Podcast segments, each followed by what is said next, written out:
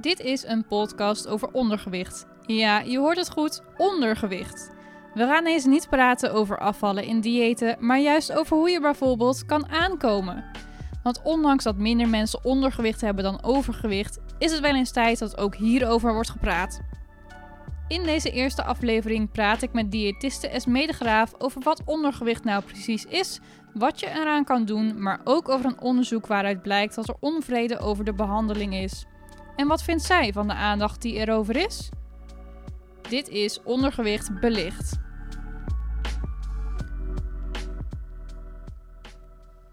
Dankjewel dat ik hier vandaag mocht zijn in je, in je diëtistenpraktijk. Kun je jezelf even voorstellen? Uh, ik ben Esme de Graaf. Ik heb een eerste lijns diëtistenpraktijk in het mooie Zwijndrecht. Um, daar werk ik met twee andere uh, diëtisten, waarvan eentje gespecialiseerd is in kinderen. Uh, en de andere die is net zoals ik gewoon all-round. En we zien eigenlijk van alles. En mijn passie ligt vooral bij de ouderenzorg, maar ook zeker bij de ondervoeding. Um, dus ik heb best wel veel veel ervaring met die, met die groep ook. Maar ik zie eigenlijk van alles. Van overgewicht tot prikkelbare darmsyndroom. Tot longaandoeningen, zwangere vrouwen, sporters enzovoorts. Dus dat is een beetje mijn, mijn praktijk. Beetje van alles wat. Oké, en waarom ben je diëtist geworden? Dat was voor mij, dat is best wel een persoonlijk verhaal. Ik ben vroeger mantelzorger geweest voor een, een vriendin met anorexia. En dat had echt hele zware anorexia. En die is helaas ook komen te overlijden recentelijk. Um, en ik had het idee dat haar behandeling dat dat niet goed, ja, niet goed geregeld was. En um, dat ze ook heel erg ja, een beetje in de kou gelaten werd. En toen had ik zoiets van, nou, dat moet toch beter kunnen. Dus toen ben ik voeding en diëtetiek gaan studeren. En toen kwam ik er eigenlijk wel achter dat anorexia een van de dingen is waar ik liever niet mee werk. Ook omdat het mij persoonlijk ook zo raakt. Ja, ik, ik vind het ook gewoon heel erg leuk werk om te doen. Dus ik ben het blijven doen, maar niet met de insteek dat ik het ben gaan doen, zeg maar. Nee, precies. En nu je een tijdje bezig bent, wat vind je het mooiste aan dit beroep? Oh, dat is heel erg lastig. Ik denk dat ik het mooiste uh, het afscheidsgesprek met de cliënt vind. En dat klinkt misschien een beetje gek, maar uh, als je kijkt hoe ze binnenkomen um, met uh, bepaalde klachten, met een bepaalde doelstelling, met bepaalde onzekerheden, met vaak ook verdriet, pijn.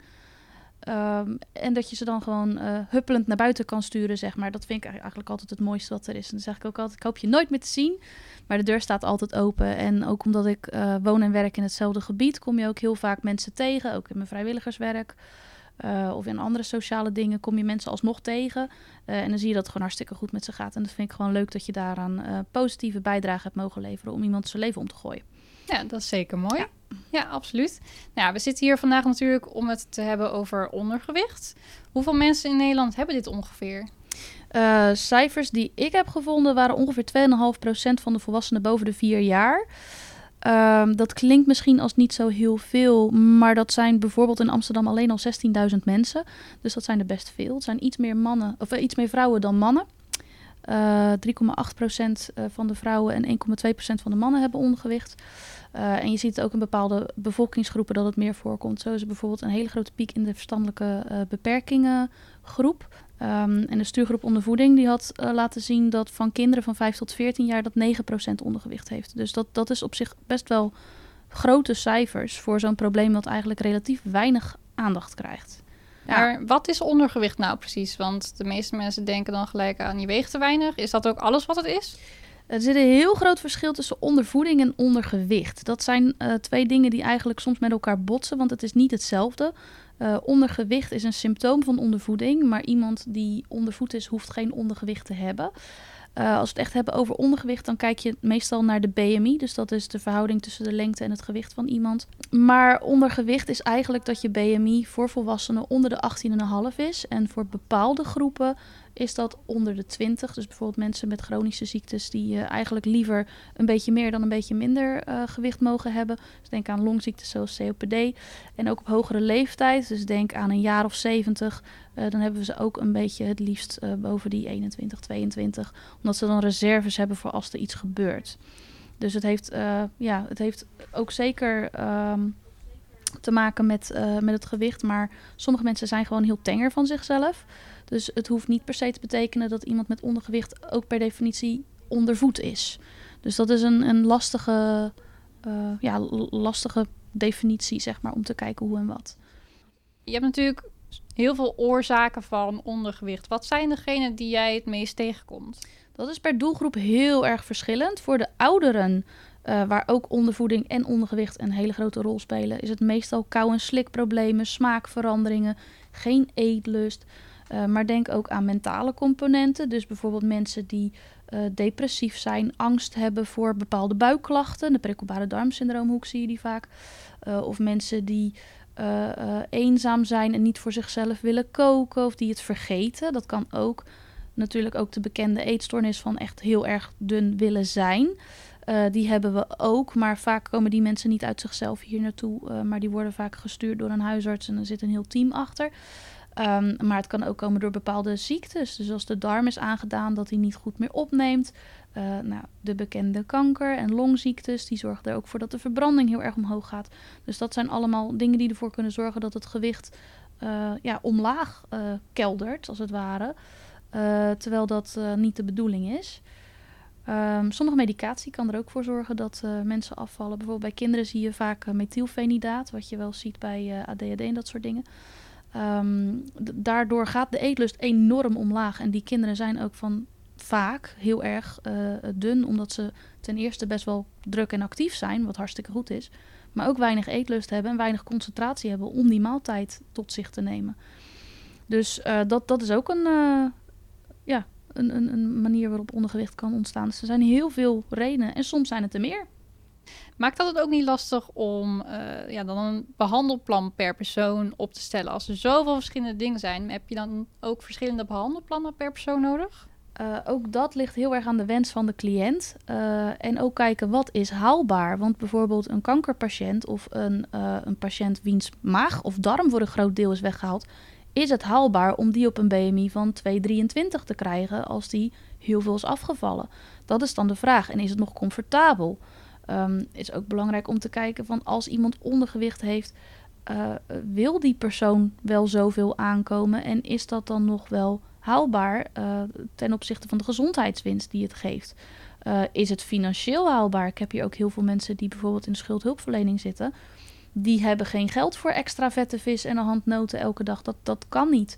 Dus dan kom je al heel snel een beetje bij iets, dat noem ik altijd het McDonald's dieet. Van lekker heel veel zooi eten en hopen dat het blijft plakken. Maar ja, daar word je niet gezonder van. Dan kan je beter ondergewicht hebben zonder dat je al die zooi eet, maar gewoon gezonde dingen eet. Dan dat je een oké gewicht bereikt met allemaal frikandelbroodjes en de, de, de hele reutemeteut, zeg maar, die, uh, die dan voorbij komt aan ongezonde dingen. Dus ja, het ligt eraan van wat kan de cliënt, wat wil de cliënt en wat is qua gezondheid het beste. En die drie probeer je te verenigen.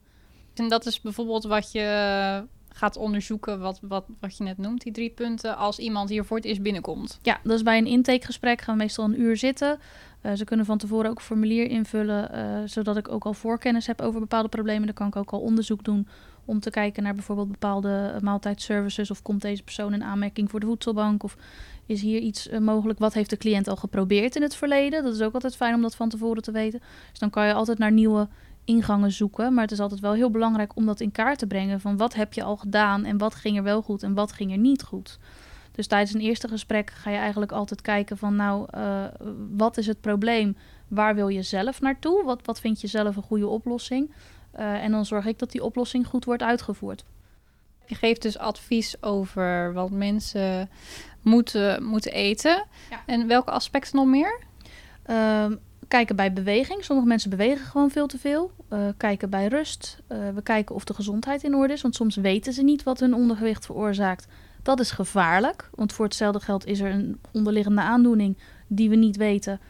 Uh, waar wel even naar gekeken moet worden. Dus die stuur je vaak terug naar de arts.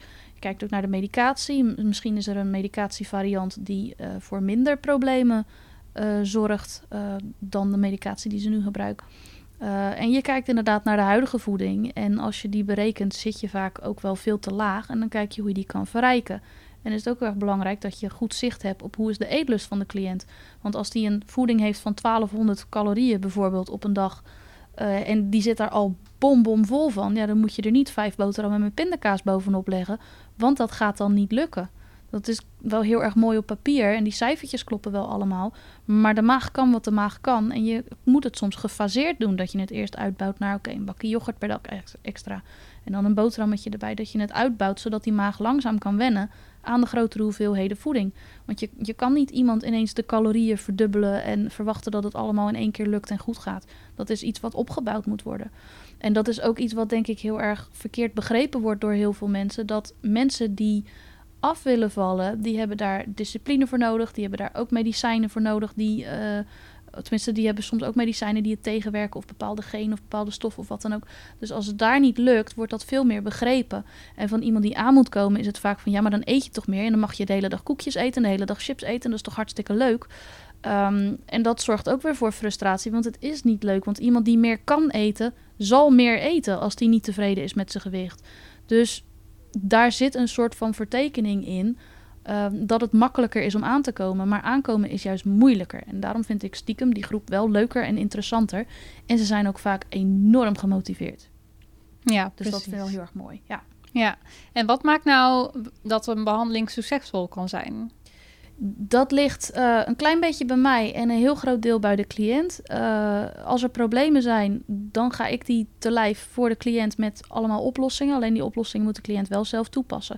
En wat je ook vaak ziet bij de oudere doelgroep, is dat ze het allemaal wel goed vinden. Geef mij maar iets makkelijks, geef mij maar zo'n drankje. Uh, en dan komt het allemaal wel goed. Maar ja, hè, ik e-, eet al 40 jaar hetzelfde. dus die hebben er dan niet zo'n zin in. En ja, die blijven vaak hangen op een gewicht. En dat kan ook een behandeldoel zijn. Het stoppen van het gewichtsverlies. Dat, dat zij zoiets hebben van ik vind het goed zo. Dan vind ik het ook goed zo. Mits het verantwoord is natuurlijk. Maar ja, het is, uh, een behandeling is alleen maar succesvol als mijn berekeningen kloppen, mijn advies klopt. En dat de cliënt ze goed uit kan voeren. En als de cliënt mij, die kan mij ook altijd appen. Als die zegt van joh, uh, het gaat niet, ik heb moeite met dit of ik krijg uh, klachten van dat. Dan kan ik het altijd aanpassen. Maar dat is wel een 1-2'tje wat we moeten hebben.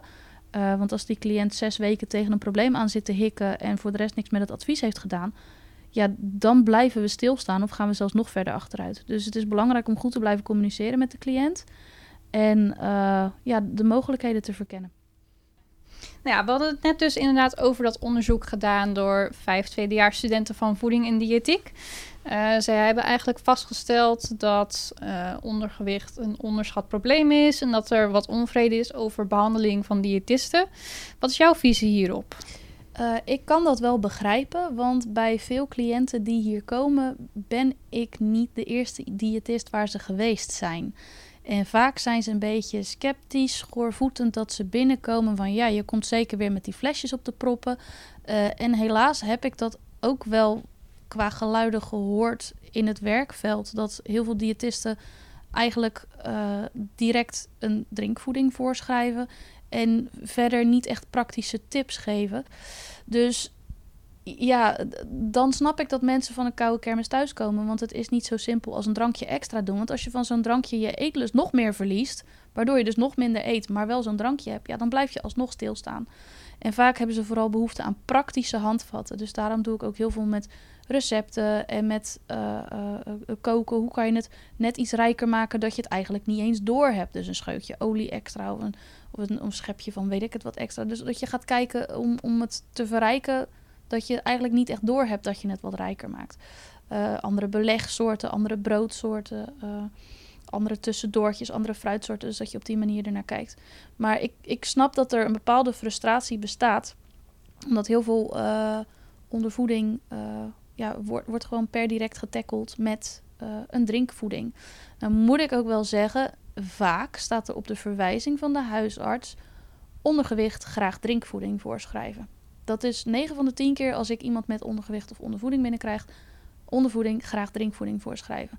Dan is er verder helemaal niks aan achtergrondinformatie. En dat moet ik dan vaak ook uit de cliënt plukken. Dat ze denken van, oh, ik dacht dat ik hier alleen maar kwam om die drankjes op te halen.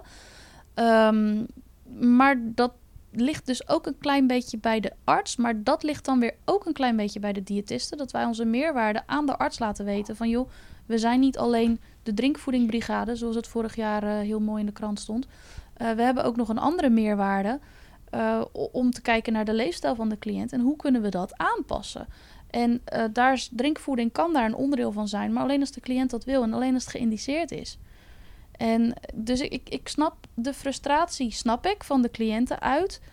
Wat ik wel verdrietig vind, is dat heel veel cliënten, als ze het niet eens zijn met een diëtist, dat ze dan stoppen en gelijk van de radar vallen en dat ze het dan niet communiceren. Gebruik die zorgkaart Nederland. Schrijf daarop wat je van je diëtist vond. Daar leren wij ook van. Dat wij weten van, goh, cliënten vinden het vervelend als je gelijk met die flesjes op de proppen komt.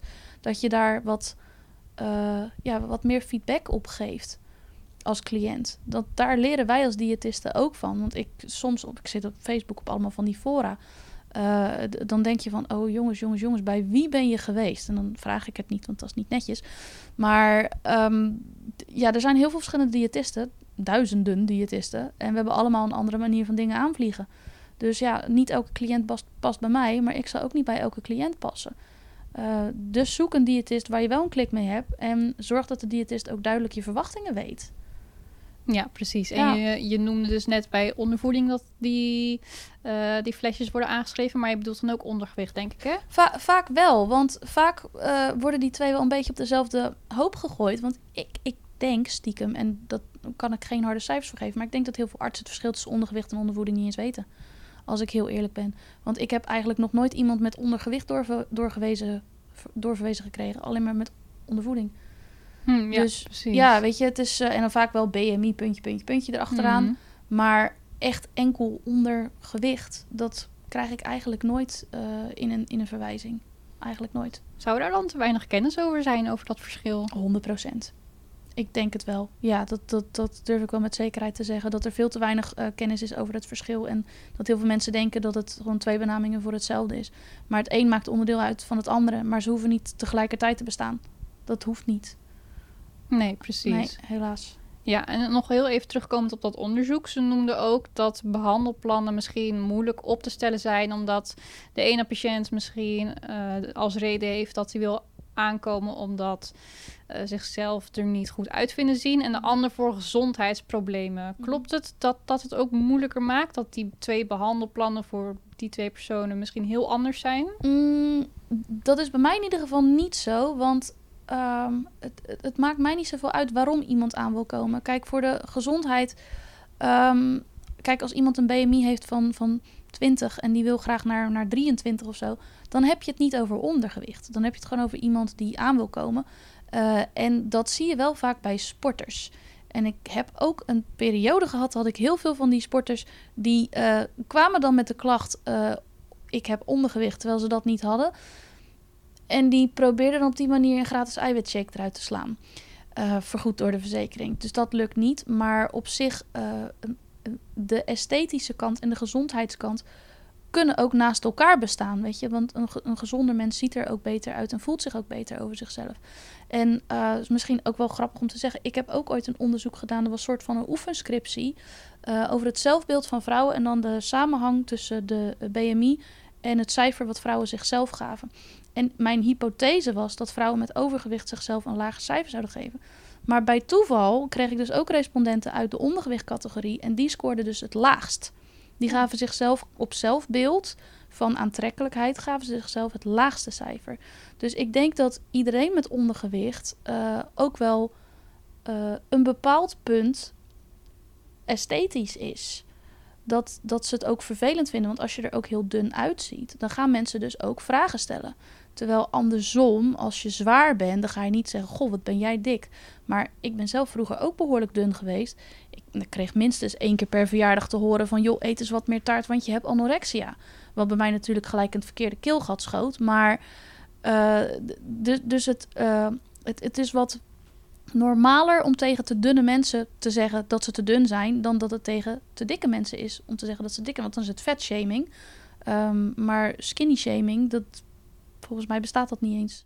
Net als die vriendin van mij uh, met anorexia, die had een BMI van 14. Dus dat, is, dat, dat zie je wel, die was echt extreem dun. Um, maar uh, als ik uh, bijvoorbeeld naar een feestje ging, zeg heel is goed als ik een vriendin meeneem. En dan zei wie? Die. Oh ja, die dunne. Maar aan de andere kant, als iemand zou zeggen: welke vriendin? Oh, die dikke. Dan zou iedereen helemaal uh, moord en brand schreeuwen. En hoe durf je dat te zeggen? En vetshaming en weet ik het wat allemaal. Terwijl op, op dunne mensen mag je wel een opmerking maken. Of uh, mensen die uh, veel zijn afgevallen zonder dat ze het willen, omdat ze ziek zijn. Dat ze opmerking krijgen: Goh, wat ben jij veel afgevallen? Die dat helemaal niet fijn vinden, omdat ze weten dat ze er niet gezond uitzien. Omdat ze weten dat het niet goed met hun gaat. Zeggen: Goh, ben je veel afgevallen? En dan is dat om de een of andere reden sociaal veel meer geaccepteerd om te zeggen.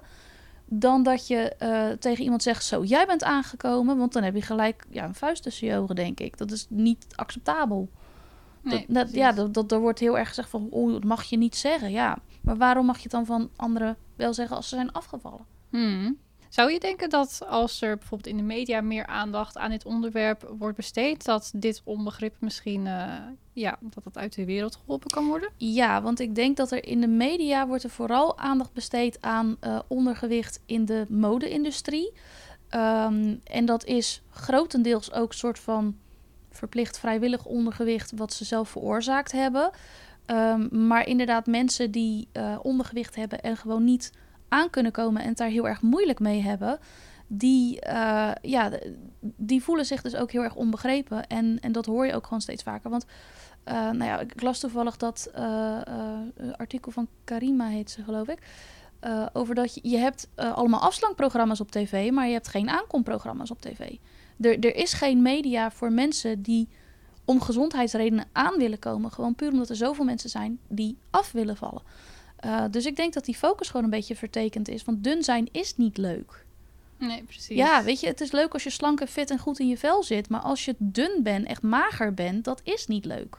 Dat, dat, dat, dat, is, dat is heel frustrerend. Zeker als mensen zeggen van, oh fijn, lekker.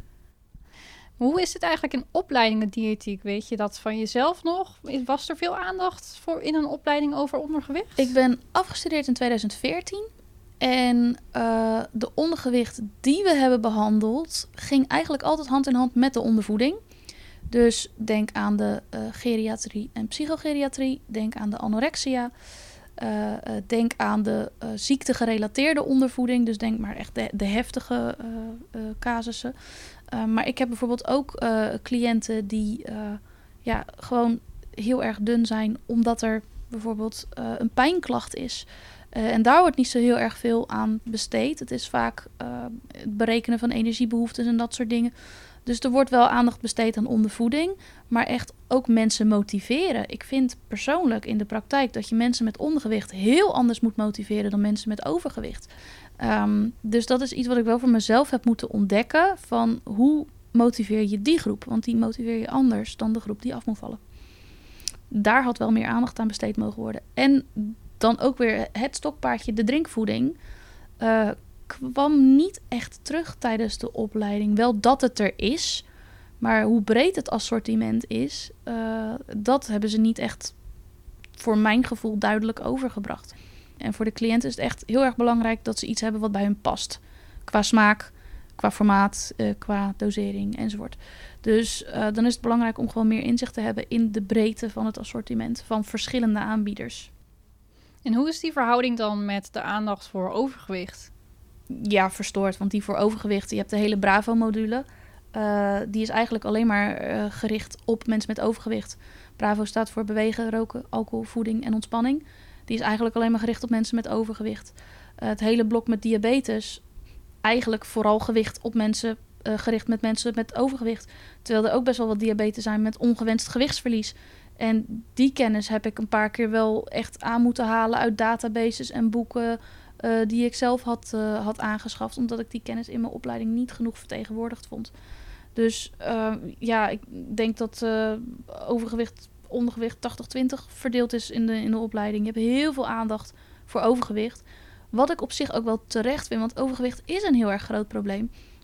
Maar er mag ook meer aandacht zijn voor ondergewicht. Wat zou je mensen met ondergewicht nou willen meegeven? Um, wees vooral heel erg duidelijk in de communicatie met je hulpverlener. Als diegene je niet geeft wat je zoekt, geef dat dan aan. En als die het dan nog steeds niet geeft, zoek dan een andere hulpverlener. Want zelfstandig aankomen is gewoon heel erg lastig. En het is fijn dat er nu online steeds meer communities opduiken waar je je ei kwijt kan. Um, maar soms is het toch ook wel fijn om de medische kennis van een diëtist in je achterzak te hebben. Um, er zijn heel veel verschillende. Er zijn ook hele leuke.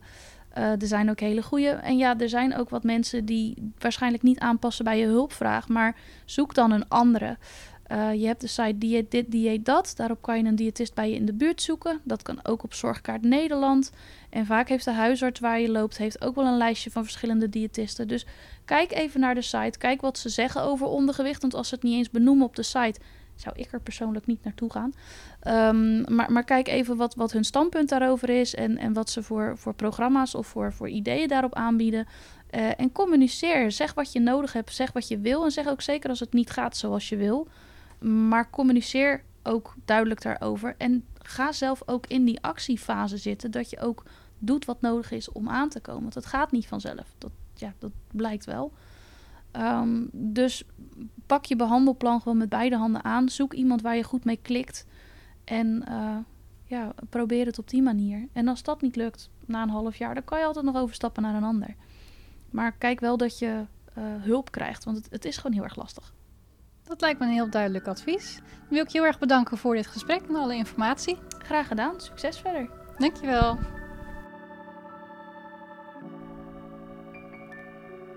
In de volgende aflevering van Ondergewicht Belicht duik ik samen met mijn zus Eline in haar ervaringen met ondergewicht.